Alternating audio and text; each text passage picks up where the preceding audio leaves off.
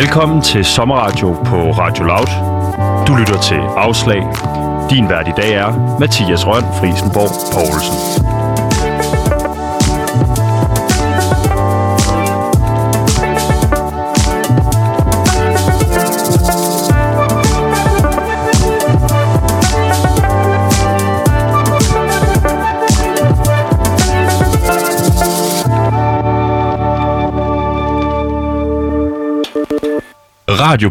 Radiokanalen P3 har i mange år stået som en af de store overdommer i den danske musikbranche. De vil gerne finde og spille den nye fede musik og brander sig selv på at give talenter såvel som etablerede artister en airplay på kanalen.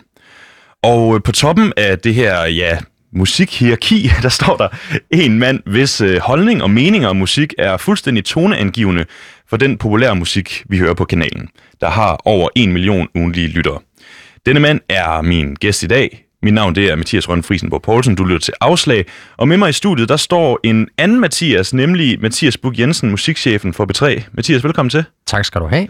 Mathias, du er jo en mand, som hver uge både tilvælger en masse musik, men som også giver en hulens masse afslag. Og lige inden vi sådan rigtig kommer i gang med de afslag, kunne jeg egentlig godt tænke mig at spørge dig sådan, hvad er din egne sådan største afslag? Øh, altså, den oplagte vil jo være sådan at begynde at lægge privatlivet til siden og begynde at snakke om jobs eller studier, jeg har søgt at komme ind på, hvor, hvor det blev til afslag. Øh, jeg har lavet radiodemoer som ung teenager, sendt dem afsted håbefuldt til The Voice i København, og jeg er glad for, at jeg ikke har gemt det kassettebånd, for jeg tror, at det afslag dengang øh, var berettiget. Øh, jeg har søgt ind på journaliststudiet i Odense, kom ikke ind, kom så til gengæld ind i Aarhus. Jeg har søgt job på P3-nyheder af alle steder, selvom jeg egentlig ikke er, jeg er uddannet journalist, men ikke sådan nyhedsjournalist på den måde, man tænkte, jeg skal jo lave noget. Øh, det fik jeg også et afslag for, det har, det har jeg øh, glemt. Øh, ikke glemt. Øh, men altså, dem, der gør mest en alder, for de fleste af os, det er vel, når øh, øh den, ene, den ene kærlighed ikke vil mødes med den anden. Øh, så, så, så det har nok været... Øh, altså, jeg er ikke dybt traumatiseret på nogen måde. Men, men, men det lyder, som om der er en historie gennem den bag der. der, der, der, der har der nok været en kvinde eller to i mit liv, hvor jeg ville vedkommende mere, end hun ville mig. Øh, sådan må det være. Det er der sikkert også en, en god livslæring i. Øh, så så det, er, det er sådan på det niveau. Øh, og så har jeg bare lige for at vende tilbage. Jeg ved ikke, det er noget, vi skal tage fat på nu. Et lille afslag. Ja, altså jeg kunne faktisk godt tænke mig at høre det nu, fordi ja. at, at, da vi snakkede sammen i går, der, øh, der havde du prøvet at, eller du, du talte om en episode, du havde prøvet at skrive ind til Weekendavisen, ja. en artikel, mm. øhm, men endte med at få afslag. Ja. Kan du fortælle om den? Ja, øh, det var forud for det her afslag lykkedes mig at faktisk øh, om sommeren, det er for fem år siden, sommeren 16, at få øh, presset øh, en artikel ind i øh, Weekendavisen om Spice Girls. Øh, jeg tror gerne, de vil cater lidt for øh, øh, de popinteresserede læsere. Jeg ved ikke, hvor mange af dem der er på den avis, men hvis man nu øh, hiver likstallet helt op og gør sig ekstra umage, så kunne det godt være, at man også kunne anlægge nogle antropologiske vinkler og alt muligt andet, som kunne retfærdiggøre, at, øh, at det band, som på det tidspunkt havde 25 års jubilæum, at de... Øh, at de ligesom skulle have en plads i avisen. Øh, der var en, en sommervikar på redaktørpinden, og det kan være, at du derfor hun åd den der Spice Girls artikel, det skal jeg ikke kunne sige. Men i hvert fald så gav det mig mod nok til at tænke, okay, jeg skyder den lige afsted en gang til, og der var den rigtige redaktør så forstå mig ret, kommet tilbage på arbejde. og Jeg tænkte, jeg har fået en glimrende idé. Jeg synes, det, at det kunne være sjovt øh, at skrive sig selv ud i. Så jeg skriver til øh, vedkommende og skriver, hej, jeg melder mig på banen i forhold til en artikel i din sektion forud for Justin Biebers udsolgte koncert i parken den 2. oktober. Så har du noget til avisen fredagen før. Fra toppen af hjernen tænker jeg det i første omgang som et portræt af den sanger, der er øjeblikkets største mandlige popstjerne og fænomen, målt på omtrent alle kriterier og historien om, hvordan han er blevet til. Der kunne her, tænker jeg, ligge en særlig vinkling i hele brugen af internettet og sociale medier som platform for skabelsen af en popstjerne. Han er selv digitalt indfødt, blev opdaget via nettet og et af de fremmeste eksempler på, hvordan man den vej rundt kan skabe en karriere, en millionforretning, en yberlojal fanbase og massiv omtale, på godt og indimellem også meget ondt. Er godt, jeg er skrive mig varm, ikke? Jo, hold da Sidst nævnte en udløber af, hvad der kan ske, når man prøver at blive voksen med hele verden som tilskuer sådan stærk coming of age det synes jeg, ikke? Det lyder sådan set også meget weekendavisen -agtigt. Jeg gør det ikke det? Jo, det synes jeg faktisk. Det er ikke et dårligt pitch, synes jeg selv. Slet, slet ikke. Øh, når de fejl unge over hele verden begår, bliver alle mands eje. Der ligger en coming of age historie i en digital tidsalder lige der. Jeg kan sikkert godt komme på mere andet eller andre tilgang til historien, men nu prøver jeg første omgang med den her føler. De bedste hilsner, øh, Mathias. Og så går der et kort øjeblik, så kommer afslaget. Kære Mathias, tak for budet, men jeg takker pænt nej tak. Jeg bruger helst mine faste skribenter alt godt fra XXX, den her redaktør. Det var jo ikke nødvendigvis et afslag på selve øh, pitch-ideen. Følte du det sådan? Helt klart. og min personlige integritet og idéudvikling eller mangel på samme. Øh, men jeg synes jo egentlig også, det, det, det, der er både et kære, og der er også et alt godt fra øh, vedkommende. Øh, egentlig meget respektfuldt. Øh, også hurtigt afslag. Jeg synes heller ikke, man skal sidde og skrive sig ud, når man kort og kontant kan fortælle folk, at øh, øh det skal du ikke tro for længe på, det der.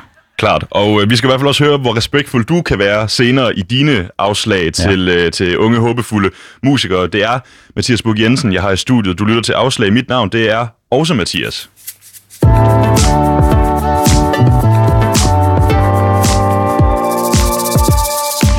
Godt, Mathias Bug Jensen. Lad os komme lidt ind i dit arbejde som, øh, som P3's musikchef. Altså, hvad, hvad er P3 for en musikkanal? Jeg bliver desværre nødt til at sige musikansvarlig, fordi med chef følger en anden løn og et større ansvar. Aha. Ja, men det dækker basically over det samme. Jeg synes, langt de fleste artikler, jeg har læst, der bliver du beskrevet som musikchef. Ja, det kan være, det er sådan, det bliver oplevet. det kan være, det er derfor. Øh, undskyld, spørgsmålet var? Spørgsmålet var, hvad P3 er for en musikkanal. Øh, vi er en kanal, som øh, henvender os til øh, ja, primært unge, og man kan jo være ung på mange måder. Det er ikke nødvendigvis et spørgsmål om, hvor gammel man er. Man kan godt være 22 og sat i livet og have fået de tre børn, man skulle have, og købt den bil og det hus, man drømte om. Man kan også godt være øh, ung i en sen alder, så at sige.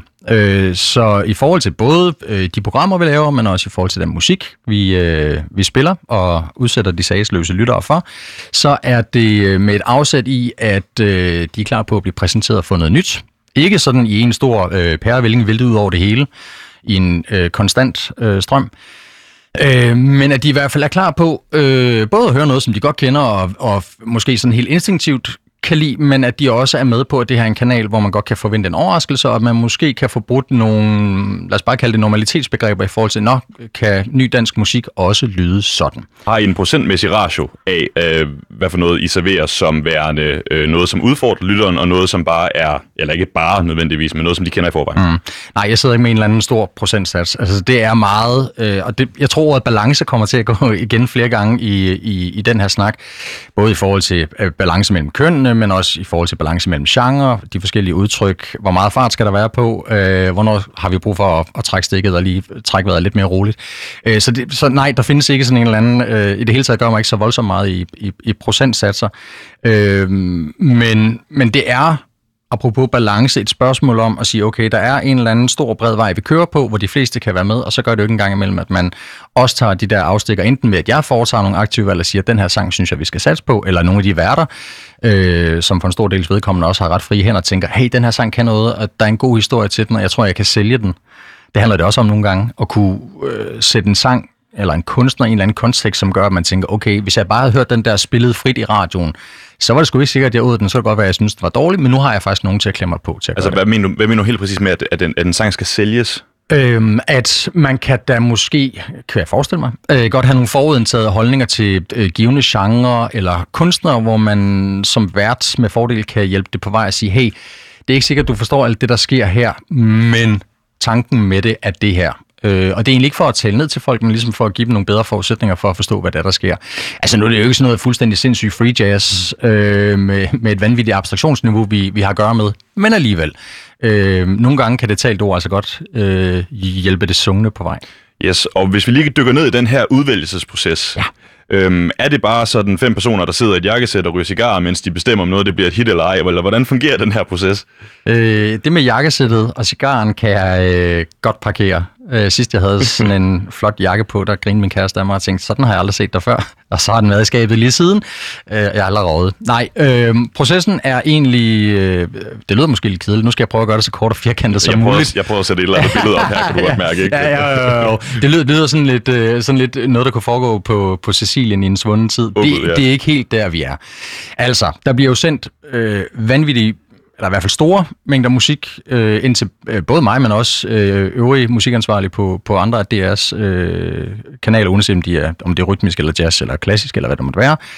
Øh, og i det ligger der selvfølgelig et, et sorteringsarbejde. Man sender sin musik ind, gerne med nogle ord til, øh, og så kan man sige, så foregår der sådan en grov sortering, som jeg tager mig af. Der er tit nogen, der rammer rigtig meget ved siden af skiven, men dem, der holder sig sådan nogenlunde indenfor, tager jeg med i en samlet pulje, som jeg så sender videre til dem, der øh, udgør playlisteudvalget, som det så smukt øh, hedder. Det er der en lille smule svung over. Det lyder da også sådan lidt... Det kan, det, det kan da godt lyde sådan lidt hemmeligt logeagtigt, ikke? Ja, lidt. Så sådan, vi går lige ned i playlistudvalget og sidder ja. og hygger os. Så lukker vi dørene og sørger for, at der ikke trænger øh, ild den. Øhm, de får sangene på forhånd på ugebasis, øh, alt efter hvad udbuddet er, hvor mange der bliver sendt. Der er jo også, man kan sige, sæsoner i musikbranchen. På den måde, lige nu ligger det hele ret stille, for eksempel.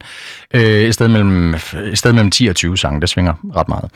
Øh, og dem skal de lytte i en rum, om det er på cyklen, eller mens de laver mad, eller på arbejde, det må de selv om, og så gøre sig nogle noter og nogle tanker om, hvad kan det her nummer, eller hvad kan det ikke, så man bringer nogle argumenter til fadet øh, i forhold til, om den her sang skal have en plads på P3 eller ej. Og så mødes vi om torsdagen, og så snakker vi tingene igennem, hører en kort lille bid af alle sangene, og siger, hvad gør den her for jer? Der er sådan en helt nærmest en talerækkefølge, så vi er sikre på, at alle i rummet bliver hørt. Øhm, og, øh, og på baggrund af det siger vi så, er det et go, eller det er et no-go? Øhm, og hvis det er et go, så ryger det i radioen. Ikke nødvendigvis med det samme. Det kan jo være, at vi har for meget, der minder om, eller øh, at den lige skal have noget tid, øh, inden vi kan tage den ind, og det er så min opgave. Og så bliver det spillet radioen. Og hvad lytter I efter? Altså, hvad er det, der gør, at et hit kan blive et go? Ja, det er muligvis det spørgsmål, der er blevet stillet mig flest gange, siden jeg startede for fire og et halvt år siden, og jeg bliver desværre nødt til at skuffe folk med, at der på den måde jo ikke findes en eller anden øh, formel for, sådan skaber du en sang, der lander på P3. Det er klart, at vi, vi opererer jo inden for nogle, nogle genrer, altså det er meget lidt klassisk, og jazz og dødsmetal, vi spiller, må vi være ærlige at sige. Øh, så vi er jo meget ude i, i pop, eller aflægger den, eller nogle af de... Øh, urbane genre, altså meget rapdrevet. Øh, rap-drevet. Det kan også være dansspillet rock som Jung eller Minds from 99. Så der er, man kan sige, der er jo sådan nogle, nogle indhegninger et eller andet sted, hvor man kan sige, okay, eller dance for den sags skyld. Der, der er nogle, øh, der er nogle, øh, nogle hegnspæle, vi opererer indenfor. Og når vi så øh, er nået dertil, Øh, og det er jo der, det både bliver øh, objektivt, men jo også tilsat noget subjektivitet. Det er i forhold til, at det her originalt, synes vi, at vi har hørt øh, den her sang på den her måde før. Bringer det noget nyt til noget gammelt, eller er det bare nyt i sig selv? Er det godt sunget? Er det godt skrevet? Er det godt spillet? Er det godt produceret?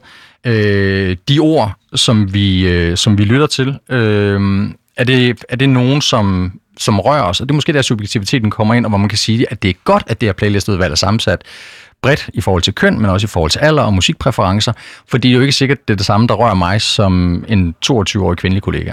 Det er jo ikke sikkert. Øh, og derfor så er det super vigtigt for mig, at de her stemmer bliver bragt i spil og får hørt sådan hele vejen rundt, sådan, okay, du kan være med til at knække nogle koder for mig, som jeg måske ikke har indlejet helt automatisk i mig selv. Øh, det er sådan mere eller mindre, det foregår. Vil I være mere tilbøjelige til at smide en kunstner på en af jeres playlister, hvis det er, det er alle i forvejen en etablerede kunstner? Mm, nej. Øh, det er klart, at det med sådan et lytterperspektiv måske er nemmere at sige, okay, den nye Scarlet Pleasure single, den nye Christoffer single, den nye whoever, etableret navn single, øh, gør det nemmere for mig at æde den, men jeg synes også, der er noget super vigtigt i, øh, også for at kunne opretholde øh, altså, jeg ved, jeg ved ikke, om konkurrence er det rigtige ord, men i hvert fald, at man hele tiden er sikker på, at folk yder det bedste, de kan. At man ikke tager for givet, at når nogen udsender noget, så er det per automatik øh, det samme som afspilninger på P3. Øh, der var en, en, en dansk rapper, som for efterhånden rigtig mange år siden sagde, at du er ikke bedre end din seneste single. Og det synes jeg egentlig er et øh, meget godt udgangspunkt. På den måde synes jeg også, hvis vi snakker om de etablerede, at det er meget sundt for at holde dem skarpe, at de hele tiden skal vide, at der er nogen på vej dernede, der er klar til at bide dem i røven. Og give dem konkurrence og være, være klar til at være dem, der står på den store scene, som de andre måske ikke troede, de skulle stå på. Nogen potentielt set, der kommer efter dem. Ja. Og hvordan er det sådan med, øhm, fordi hvor, hvor, jeg tror, jeg vil dykke lidt ind i, hvor meget sådan, du ved, magt du egentlig mm. har i det musik, der bliver spillet. Altså, kommer du efter P3's værter, hvis det er, at de ikke spiller den musik, som du har valgt? Nej, det kunne jeg godt gøre. Øh, altså jeg vil sige, det skal være voldsomt gralt, hvis jeg skal gøre det. Øh, noget, der sådan øh, ryger ud af en tangent. Øh, jeg har bedrevet meget lidt, måske næsten for lidt, øh, musikpoliti i den tid, jeg har været der. Øh, jeg kommer ikke åbne døren og råber og skriger og siger, hvad fanden har du tænkt på? Så vil jeg hellere tage en eller anden lidt mere, lidt mere øh, nuanceret og balanceret øh, snak bagefter, sådan at sige, hey, vær opmærksom på, hvis du går ned ad den her vej, måske du skulle tage at komme tilbage hertil, for at vi ligesom øh, holder fast i den forankring, der også er os. Nu skrider det, nu er kanalens øh, identitet inden for den sidste halve time ikke til at kende. Øh, der, der, der bliver jeg nødt til at, øh, det sker igen sjældent, der bliver jeg nødt til at sige, ah, den, den går ikke. Øh, så kan man sige, i forhold til det, der egentlig er mit reelle ansvar, så er det jo, øh, for det lyder så, øh, og det forstår jeg godt, øh, Øh, magtfuldkomment at sige, du bestemmer alt, der bliver spillet. Nej, det gør jeg ikke. Øh, det er langt overvejende bruger min tid på, det er at finde ud af, hvordan lyder vi bedst fra fra 6 morgen til 6 aften, det der sådan helt traditionelt set bliver betragtet som primetime øh, i radio. Øh, det betyder jo ikke, at værter ikke kan, hvis de har rigtig gode grunde til det. Øh, det kan være den rigtige fortælling om en sang. Det kan være, at de kommer ud af en historie, hvor der er et eller andet, der relaterer sig, noget musikalsk relaterer sig til den historie, de lige har fortalt. Selvfølgelig skal de spille den. Det har de den redaktionelle frihed til at gøre. Så har vi specialprogrammer, som har nogle opdrag. Øh, det kan være lørdag aften, hvor der er fyret helt op for festen. Der blander jeg mig som i overhovedet ikke. Der er indkøbte programmer, som også er specialmusikprogrammer. Der blander jeg mig som i overhovedet ikke. Øh, så der er masser øh, af, af steder. Øh, man kan sige, at the end of the day, det der bliver sendt ud, ja, det falder tilbage på mit bord, men der er altså masser af øh, lommer eller huller i en, en sendeplan, kan du sige, hvor, øh, hvor råderummet er øh, et andet, og hvor jeg altså ikke sidder som sådan el kommandante med den der øh, cigar og det der jakkesæt for, for inden af et meget tungt mahon i skrivebord. Men du siger, at dit overordnede ansvar, det er at sikre dig, at P3 det lyder godt fra 6 morgen til 6 aften. Mm. Hvornår lyder P3 godt fra 6 morgen til 6 aften? Øh, det gør vi, når vi når et eller andet sted hen mellem øh, noget, der er genkendeligt, øh, synes jeg, altså et nummer, jeg er med på, som jeg ikke lige vidste, jeg havde brug for. Om det så er min øh, øh, køretur på vej på arbejde, eller hvad det nu kunne være. Men hvor jeg indimellem også får sådan en, ah, den vidste jeg ikke fandtes, den her, den bliver jeg nødt til at tilføje til min playliste på en, på en given øh, musikapp, øh, at vi stadigvæk er i stand til at, at overraske og give folk noget, som, som de ikke vidste, de gerne ville have. Og, og den del kan jo blive sværere, kan man sige, med, med streamingtjenesternes øh, øh, komme, fordi øh, alt er tilgængeligt hele tiden, men så er der jo nogen fra fan, der skal sortere i den larm og sige, det er faktisk det her, vi synes har en, en særlig kvalitet og berettigelse, og den bliver vi nødt til at og, og katapultere ud, og i, i den proces, så rammer vi både rigtigt og selvfølgelig også forkert en gang imellem. Og jeg tror, vi skal dykke mere ned i, øh, i den sortering nu, fordi ja, Mathias Bug Jensen, du har givet enormt mange afslag til unge håbefulde musikere ja. og også til øh, produktionsselskaber. Du lytter til afslag. Jeg hedder også Mathias.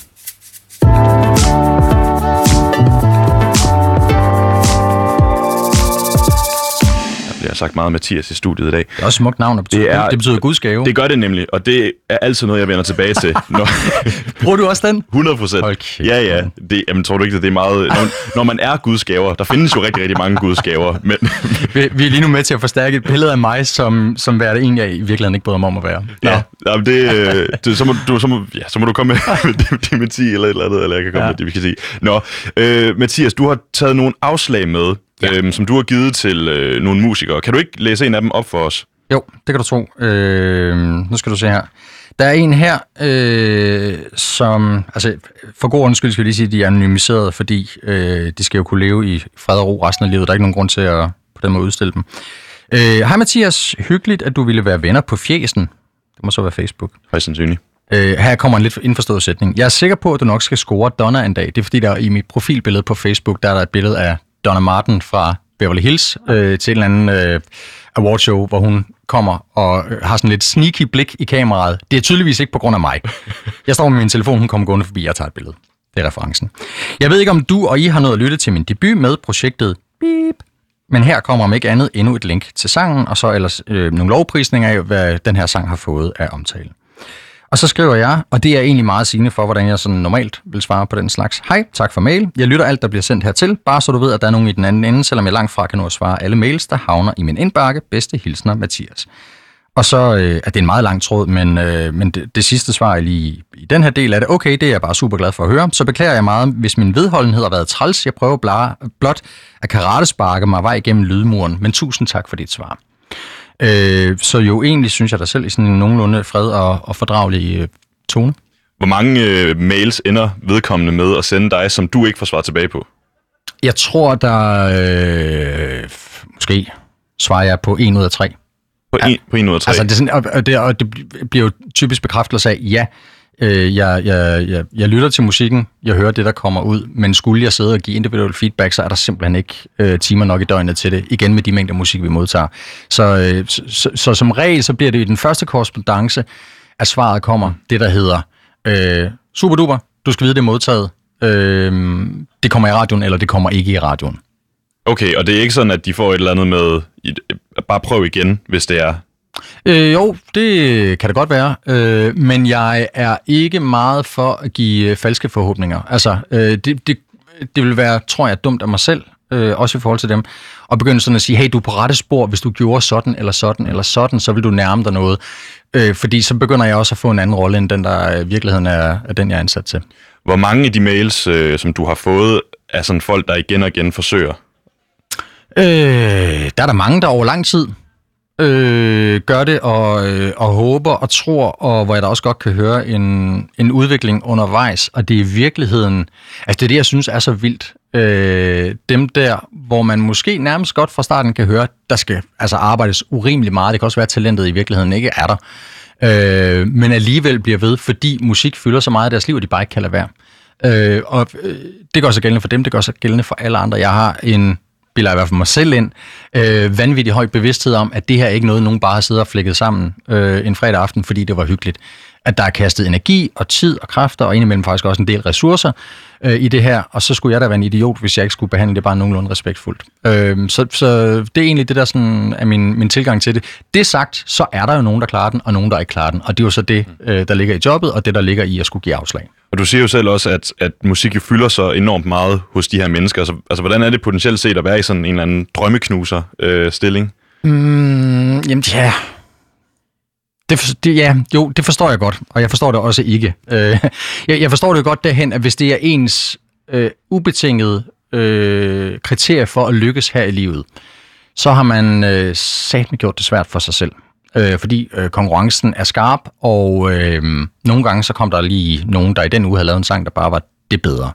Øh, det, det jeg håber, og et eller andet sted også tror på, at dem, der rigtig gerne vil de også har mulighed for at komme ud alle mulige andre steder. Og om det så er at blive booket til en eller anden lille festival, så kan de prøve at stå, hvordan det er på en scene. Om det er at lykkes øh, med millioner af streams, øh, at blive øh, en succes den vej rundt, eller om det er at lykkes på kommersielle radio, eller nogle af deres andre kanaler, eller altså succeser kan jo måles og vejes i stort og småt. Hvis ens, øh, hvis, igen, hvis ens kriterie for at lykkes er at blive uundgåelig på P3, øh, så vil jeg mene, at man for langt størstedelens vedkommende lige skulle forventningsafstemme lidt, lidt bedre med sig selv, øh, fordi sandsynligheden for, at det sker, den er ikke så stor igen. Men en drøm er jo også en drøm af en grund.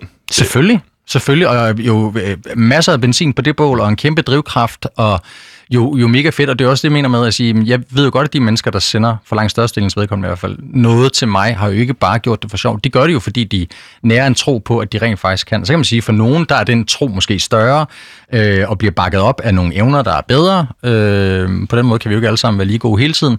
Øh, så, så, øh, så, så selvfølgelig, altså, øh, hvad hedder sådan noget, aim for the sky, mm Øh, det synes jeg, der er et, et pissefedt udgangspunkt. Så skal man også bare være klar til at æde den skuffelse. Det, det så måtte være, hvis, hvis alle andre end ens øh, forældre og søskende måske ikke kan høre den samme genialitet. Har du taget et afslag mere med? Øh, ja, det havde jeg faktisk. Øh, den er også lige anonymiseret. Øh, Hej Mathias, jeg sendte dig tilbage i 2018, helt uopfordret ny musik for første gang i mange år. Tak for svar, det bliver jeg glad for. Kort efter gik jeg desværre ned med svær stress, en krise, der kulminerede her for efteråret, hvor min kæreste og forlovede pludselig gik fra mig kort før vores bryllup. Jeg har virkelig været igennem helvede, men fundet en vigtig terapi i musikken. Min nye single handler om brudet og øh, brudt tillid og løfter oven på et sygdomsforløb. Øh, og det, apropos det der med øh, at svare ordentligt, mm nu er jeg også den rigtige til at sidde og pusse min egen glorie her, ikke? men når nogen skriver det der, så er vi jo inde på det, vi, vi snakkede om før, det der med, det her er altså ikke bare for sjov. Der er en, der har brugt musikken til at få noget sygt svært øh, ud af livet og få det kom videre. Nå, jeg skriver tilbage. Hej, tak for mail, som jeg har læst, men først her en kort tilbage på arbejde i sommerferien øh, for svaret på. Det lyder som en sindssyg periode, men godt du har fundet en form for vej tilbage. For nuværende kommer vi ikke til at gøre noget ved sangen, men det lyder også som om terapien i det har været det vigtigste. Alt det bedste, Mathias. Hvad, hvad tænker du, når du får sådan en mail her? Altså en, der deler så meget med dig? Øh, jeg tænker, at det er... Jeg synes faktisk grundlæggende, at det er ret fedt. Øh, og modigt. Øh, og selvfølgelig også lidt svært, fordi vi kender ikke hinanden. Øh, eller jo, jeg ved godt, hvem vedkommende er, og har muligvis i en fjern fortid hilst på ham eller hende. Det er ikke øh, det vigtige her. Øh, men det giver da for mig en indikation af, at igen, det her det er ikke øh, kun lavet for sjov, det er også, hvad musik jo også kan være, terapi og en proces ud af noget, der er svært osv. Øhm, så det, det synes jeg egentlig er meget fedt, øh, og så bliver man nødt til at anerkende den del, hvad jeg så også forsøger at gøre ved at sige, hey, det lyder som om musikken faktisk har kunne hjælpe dig her, uagtet at vi ikke kommer til at spille den.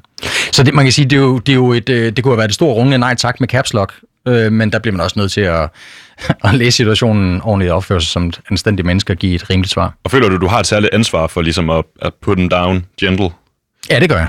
Øh, jeg får ikke styrket mit øh, ego eller min, øh, min potens ved at øh, sidde med korslagte arme og øh, være den der øh, stereotypen på sådan en magtfuldkommen musikbranche-svin. Altså, det, øh, de findes ikke. Eller jo, det gør de nok, men der er få af dem. Øh, I hvert fald i forhold til, hvor mange stereotyper, der er blevet, der er blevet karikeret over tid. Øh, selvf- altså, selvfølgelig. Og, og også, altså, det spiller sikkert også ind, at det er, øh, at jeg repræsenterer et public service medie, og jeg har sådan, hey, der er borgere, der henvender sig her på, øh, forstå mig ret, på stempelkontoret.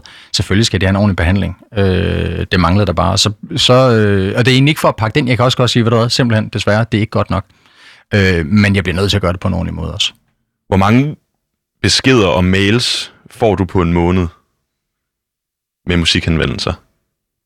Åh, oh, Gud. Det tager jeg, det tager jeg ikke gæt på. Øh, på en måned?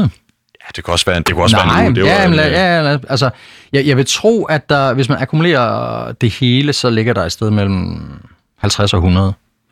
Øh, og det er jo så fra folk, der udgiver musik selv og sidder og, og øver sig derhjemme til øh, udgivelser fra major labels, altså de største pladselskaber, Sony, Universal og Warner, og deres underselskaber. Øh, og så er der telefonsamtaler oveni. Øh, der er nogen, der gerne lige vil følge op og sige, hey, hvorfor gjorde du ikke det her, eller hvad er muligheden for? Nu har jeg taget den ind. Giv den lidt flere afspilninger, øh, og så videre. Øh, eller nogen, der gerne vil komme og præsentere ny musik og sige, hey, vi har de her fem nye kunstnere. Der sker noget vildt spændende. Jeg vil gerne lige sætte dig ind i, hvad forløbet omkring det her det er. Øh, så så, så øh, rigtig meget af min tid går med både selvfølgelig at lytte til musik, men også at kommunikere omkring det.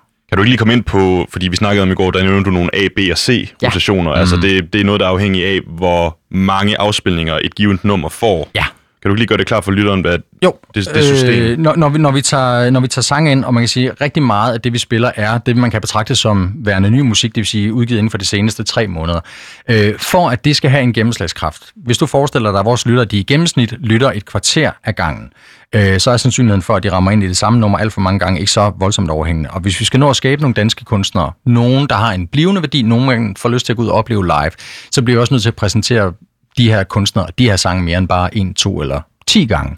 Så derfor så har vi sådan en, en, en politik om, at når vi tager ting ind, så vil vi faktisk gerne give dem noget, øh, noget, noget medvind og se, hvor det, kan, hvor det kan føre dem hen. Og man kan sige, måden at gøre det på er jo så at sige, godt, øh, vi, vi musikstyrer os ud af det, og det er der mit ansvar at komme ind og, sådan at sige, jamen, jeg vælger sammen med playlistudvalget, hvad skal ind. Øh, det er så i sidste ende også mit ansvar at sige, okay, hvor lidt eller hvor meget. Og der er de her rotationskategorier så et udtryk for, hvor lidt eller hvor meget man spiller dem. Så en, en sang, der, der ender i en A-rotation, som er sådan på toppen af grænsekagen, hvis man nu skal øh, prøve at, at lave sådan et magtbillede, øh, bliver spillet fire, hver fjerde time. Så det er i stedet mellem fem og seks gange i døgnet. Øh, ligger du i en B-rotation, så er det måske tre gange i døgnet. Hvis det er en C-rotation, er det to gange i døgnet. Hvis det er en D-rotation, så er det en gang hvert halvandet døgn. Så det siger noget om det tryk, man giver en given sang. Øh, og der er nogen, vi brager hårdt til, og nogen, vi synes måske lige skal arbejde stille og roligt ind, masseres ind, enten fordi der står andre i køen foran dem, eller fordi det måske er et udtryk, som det er bedre, at øh, vores værter øh, i talesætter, eller man sådan opdager bare en gang imellem, inden vi giver den fuld gas. Hvis I smider noget i en, i en A-rotation, øh, hvor sikker er I så på, at et nummer kan blive et, et hit? Det kommer an på, hvad du definerer som et hit. Øh, jamen, måske et hit i det brede befolkning, tror jeg, jeg vil sige. Altså, hvis, altså den det kan jeg der, overhovedet ikke være sikker på. det kan du overhovedet ikke være sikker Nej, på. overhovedet ikke. Jeg, øh, jeg kan have en idé om, at det her det er, det er fedt. Det er for mig ikke noget succeskriterie, at øh, så eksploderer alt mellem hænderne på den her kunstner, og vedkommende river priser ned i hylderne, og, øh, og streams øh, går amok. Øh, det, det synes jeg ikke i sig selv er interessant. Altså, af både danske og udenlandske kunstnere, der har været i A-rotation det seneste lange stykke tid, der er der, der er helt sikkert nogen af dem, for hvem den eksponering har været øh, starten på forhåbentlig en drøm og en karriere et eller andet sted, øh, øh, og sådan et opmærksomhedsflag, vi kan rejse på deres vegne. Men, og, så, og selvfølgelig hæber jeg da på dem hele vejen. Det er da klart, selvfølgelig gør jeg det, men jeg er ikke så naiv, så jeg tænker, øh, nu er vi i gang med at skabe en karriere. Øh, den her tror jeg rigtig meget på. Hvis den ryger af, så er lykken gjort. Det sker da lige så tit, at det var vores idé om, øh, hvad den sang kunne, som ikke viste sig nødvendigvis at være helt rigtig. Du øh, lytter til afslag. Min gæst i dag, det er Mathias Buk Jensen, den musikansvarlige Ja. for P3. Korrekt.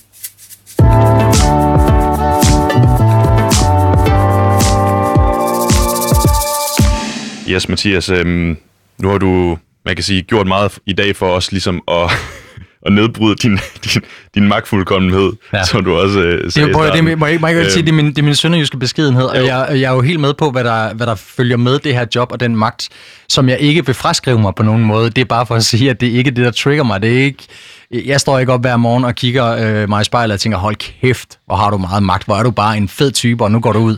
Og så enten slagter du nogen, eller også så skaber du nogens karriere, mand. Hold da kæft. Sådan har jeg det ikke. Det er derfor, jeg måske er sådan lidt vælende, om, lidt vælende omkring det. Jamen, det er så fint, fordi vi skal jo faktisk snakke om, at ingen mennesker er jo ufejlbarlige. Det er den musikansvarlige heller Ja, tak. ikke. Så der, er jo, så der har jo sikkert også været nogle numre, du har fået ind, hvor du har tænkt, det er noget værd lort, men som så måske alligevel er blevet til nogle bangers. Ja. Har du givet afslag til nogle numre, som endte med at blive bangers?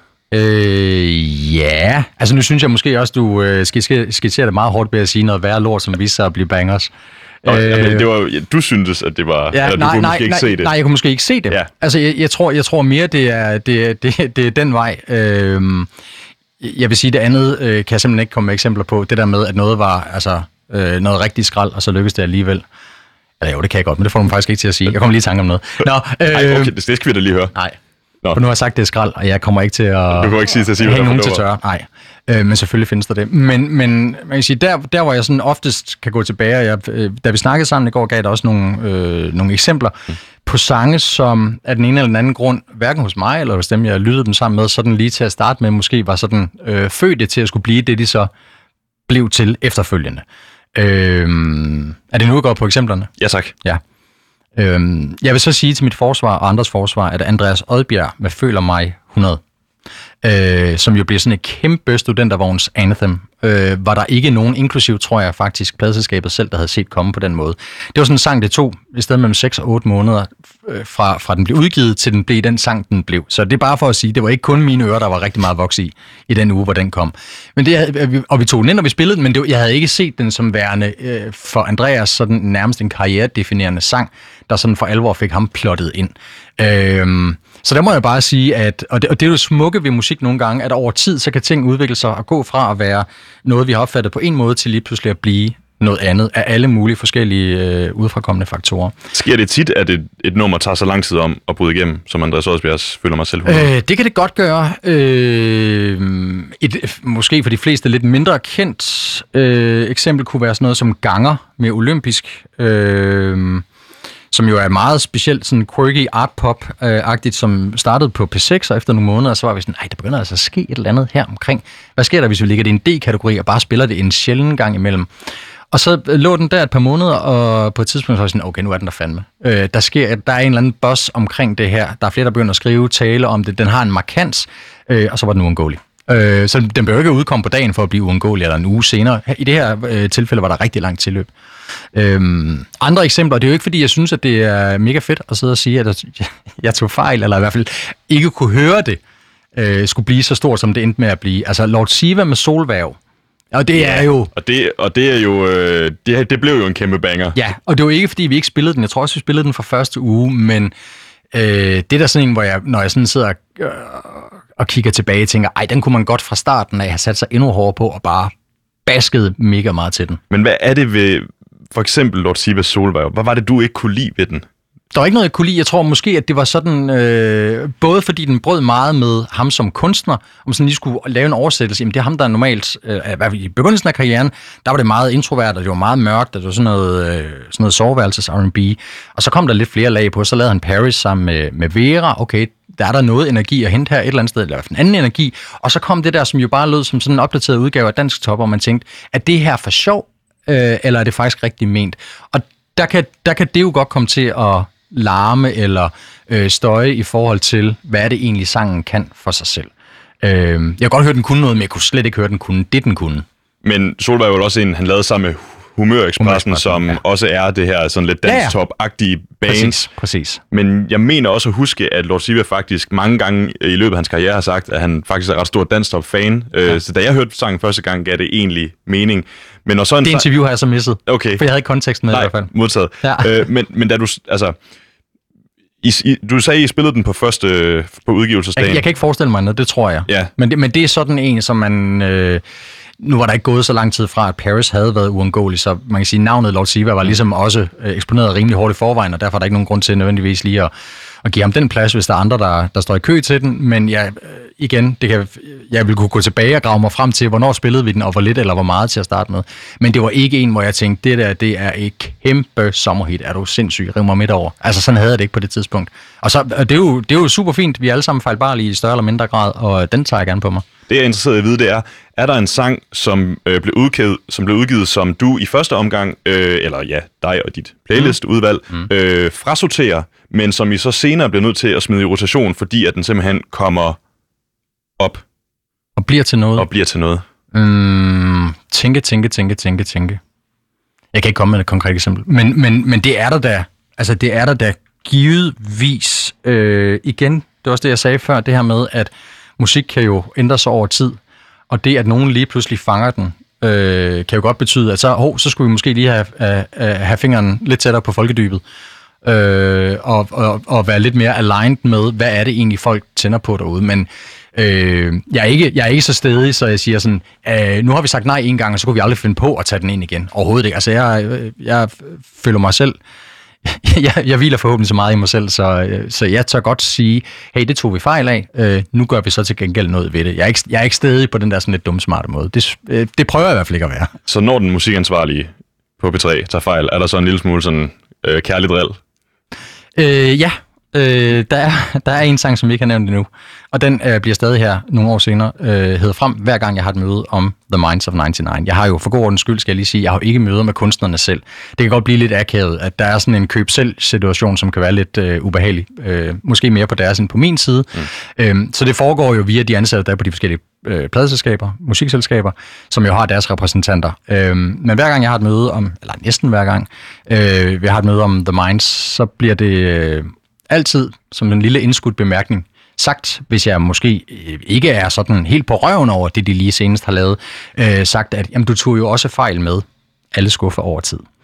Øh, og hvordan, hvordan kan man ikke høre den første gang, kan jeg jo godt sidde og tænke tilbage i dag og sige, hvordan kan du ikke høre, at det der det er en kæmpe fællesskabshymne? Øh, men det må jeg jo bare sige, det kunne jeg simpelthen ikke. Kan du, kan du genkalde den situation, hvor I sidder for eksempel i playlistudvalget og får spillet alle skuffer over tid? Nej, men jeg, nej, men jeg kan huske første gang, jeg, jeg, jeg hørte den selv, og det er sådan en del af, her kommer et nyt album fra dem, og konceptet er det her, tankerne af det her, der bliver spillet nogle sange, og der er noget af det, jeg tænder på, som jeg synes er meget fedt, øh, og så, øh, så er der alle skuffer over tid, som jeg ikke sådan umiddelbart lige kan afkode, øh, hvor, øh, hvor øh, den, den bekymrede fra musikselskabet siger, vi er simpelthen bange for, at, at I ikke synes, at I ikke synes, de hører hjemme på P3 mere. Øh, og, og det var jo, altså man kan sige, den sang og det album, øh, Solkongen, var jo om noget, det der katapulterede Minds fra at være P3 Darlings til at være nogen, der lige om et øjeblik spiller for 50.000 i parken. Ikke? Mm. Øhm, så så, så øh, jeg, kan, jeg kan genkalde mig den snak, og jeg kan, altså fordi jeg jo jævnligt bliver mindet om den, også godt genkalde mig, at hov, øh, der var jeg ikke helt så hurtigt, som jeg, som jeg burde have været. Og sådan lidt i forlængelse af den her snak, så vil jeg gerne lige dykke ned i, du siger selv, at, at nogle gange er du nødt til at lytte til folkedybet, var din øh, formulering. Og i den forbindelse kunne jeg egentlig godt tænke mig at spørge lidt ind til altså Spotify. Mm. Fordi hvor meget kigger I på den musik, der hitter på Spotify, når I skal spille, finde musik ja, på altså jeg, jeg bruger først og fremmest den, eller for den sags skyld andre streamingtjenesters øh, øh, platform, som et research-redskab. Altså det er min hurtigste genvej øh, til at øh, høre ny musik, øh, om det så er New Music Friday eller nogle af deres andre kuraterede playlister. Øhm, hvad der ligger hvor, fylder egentlig ikke særlig meget i min bevidsthed. Øh, af flere grunde. Dels fordi det at lytte musik på streaming er en anden situation at høre, end at høre den i radioen. Det er medmindre man selvfølgelig enten via sin egen playlist eller nogle af de playlister, som streamtjenesterne stiller til rådighed, så er det sjældent et aktivt valg på den måde. Så siger du, okay, jeg kan godt lide R&B Chill Hits Sunday, eller hvad den nu kan hedde, eller god musik til kaffen. Så trykker jeg play, og så øh, bliver der spillet nogle sange, jeg ikke aktivt forholder mig til. Så er der andre, øh, som selvfølgelig bruger det til at sige, nu elsker jeg den her kunstner, jeg skal dødsøre det fra jeg står op til jeg går i seng. Øh, men summa summarum, jeg har ikke nogen indsigt, noget indblik i, øh, hvem er de her lyttere, hvad er det, de tænder på? Øh, er det noget, de hører fredag aften sammen med vennerne, når de skal holde fest? Det er jo ikke det samme som at høre det mandag morgen i radioen. Øh, der er en uigennemsigtighed, øh, og der er jo også nogle algoritmer, som gør, at øh, nogle sange eksploderer mere end andre. Og hele den uklarhed er sådan det ene ben i at sige, at vi kan ikke bare blindt gøre det. Det andet ben er, at vi skal også være et reelt alternativ til den popularitetskonkurrence, som streaming jo også godt kan være. Hvis vi en til en skulle følge det, så overflødiggjorde vi os fuldstændig. Så vil vi jo ikke være dem, der opdager Men de ting, Mathias, man kan. kan afspilningerne på Spotify i princippet ikke tale for sig selv? Altså, hvis der er et, et dansk kunstner, der har fået enormt mange afspilninger, mm. men som I ikke spiller på B3, Ja. er, er I så ikke, øhm, hvad kan man sige, er I så i trit med de danske lyttere? Mm, jeg forstår godt, hvad du mener. Men så er vi ude i det der med, at så, så, så skal vi være en afspejling af en eller anden øh, et udtryk for popularitet. Og det er jo ikke nødvendigvis det samme som, at det, det er heller ikke det modsatte af. øh, altså, det er bare for at sige, streaming er ikke nødvendigvis, eller hvis, hvis nogen har, har flotte tal, er det ikke nødvendigvis et udtryk for, at det passer ind på en kanal som vores. Der kan være noget rent profil-wise i forhold til de genrer, vi primært beskæftiger os med, i forhold til nogle af de andre kriterier, jeg stillede op øh, senere, i forhold til at være nyopdagende, i forhold til, at der er et begrænset antal pladser, hvis vi både skal spille de politisk pålagte 48% dansk musik, øh, vi spiller, give plads til forskellige udtryk, køn, genre osv. Øh, jeg, jeg synes ikke, at øh, popularitet hverken er en indikator for, at det er øh, godt egnet til os, det står heller ikke i modsætning til. Men jeg har faktisk fundet en sang på Spotify. Ja, jeg er meget spændt, fordi det er jo... Øh, Ja, for jeg har forberedt dig lidt på det. Jeg sagde, at jeg ville finde en sang på Spotify, som jeg i hvert fald ved ikke har tilnærmelsesvis lige så mange afspilninger på øh, P3, som den har på Spotify. Øhm, har, du, Ja, har du bud på, hvad det kunne være?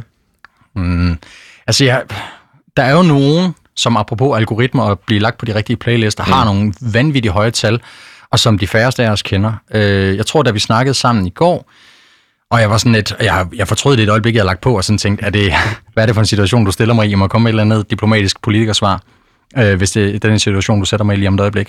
Øh, der findes en kunstner, der hedder Galli Mathias, som på hans mest afspillede har 123 millioner mm. streams.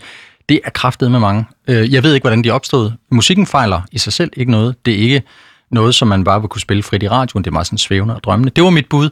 Så foreslog jeg også lidt kægt, sådan en som Martin Jensen med Solo Dance. Øh, han var uundgåelig, ikke på P3 med det nummer, men, men øh, en sang eller to før den, og red ligesom videre på en bølge, og den er jo, den er jo klokket ind langt over en halv milliard. Mm. Øh, den har vi kun spillet meget løsligt. Jeg er faktisk ikke helt op på det. Jeg har valgt et nummer med Branko, Ja, og Branko øh, har få afspilninger, men ikke til, at der kunne matche med Nej, hans Spotify. klart. Så nu sætter jeg lige et nummer på. Det er øh, Branko med nummeret Hundo, ja. Og nu skal vi høre om, nu skal vi høre, om du kan give Branko et afslag, eller hvad der sker. Den kommer her i ja. hvert fald. Thank you.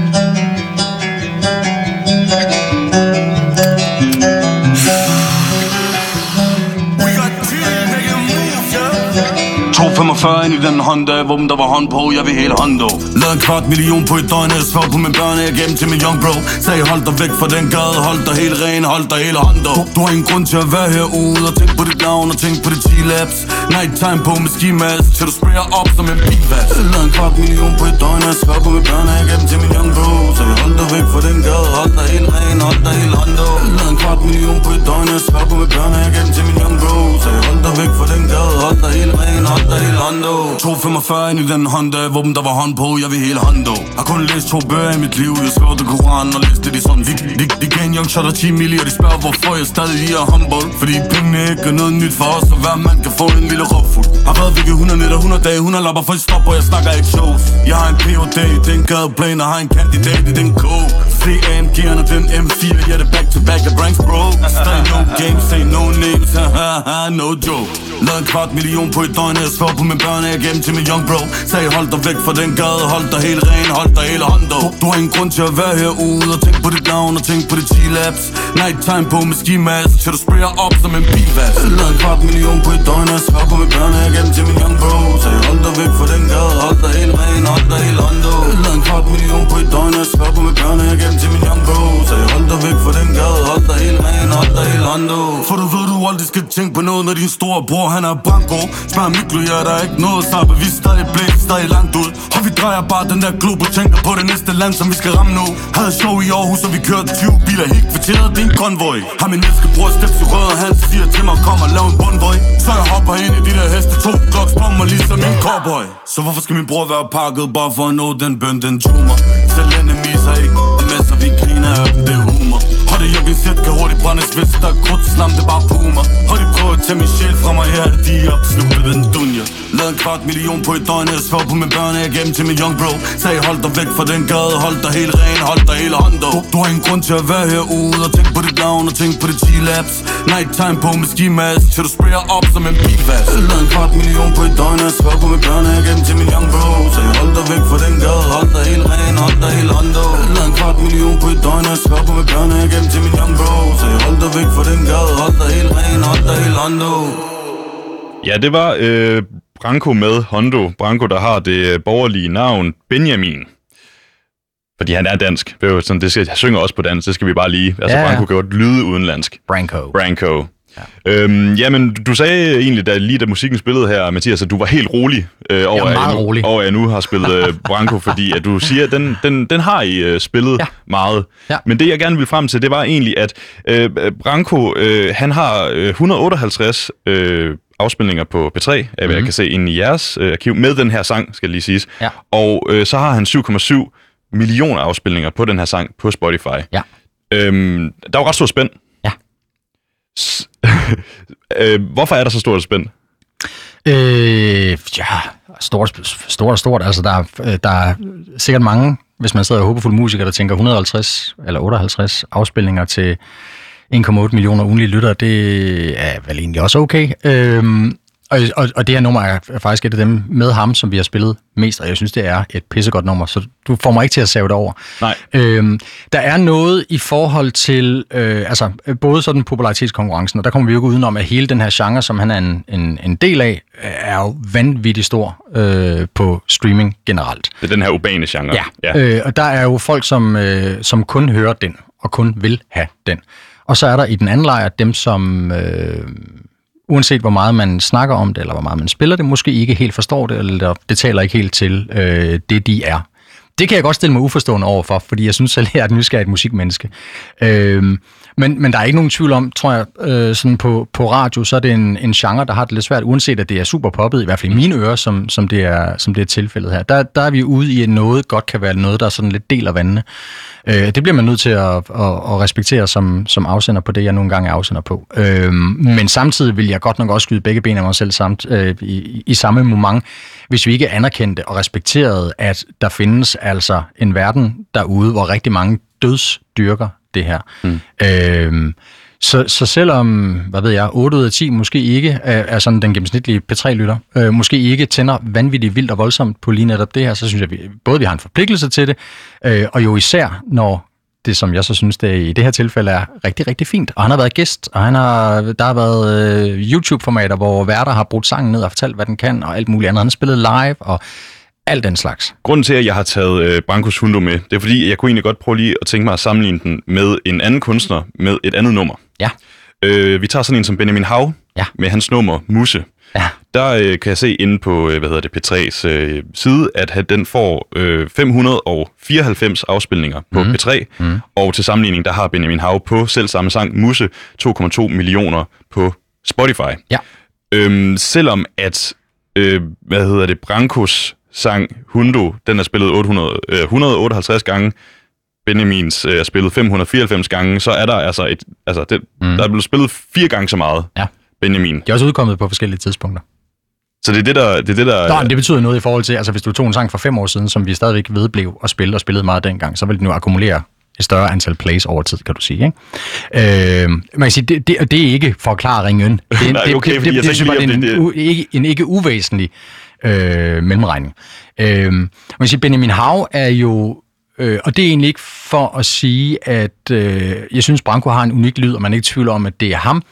Øh, men at Benjamin i forhold til dansk rap, og hvordan det kan lyde på lige netop det nummer, som har sådan jo øh, er lavet sådan på sådan en, en klubbet produktion, øh, kan noget helt andet, og man øh, forhåbentlig, hvis man lytter efter, så får man nogle små eksplosioner ind i hovedet, hvor man tænker, hvad går det her ud på, eller jeg forstår det ikke, eller det skulle da for mærkeligt, eller forhåbentlig, det er da for fedt. Altså, der er nogle andre grænser, som jeg også synes, vi har en forpligtelse til at opdrage til, at sige, okay, sådan her kan den slags musik også godt lyde.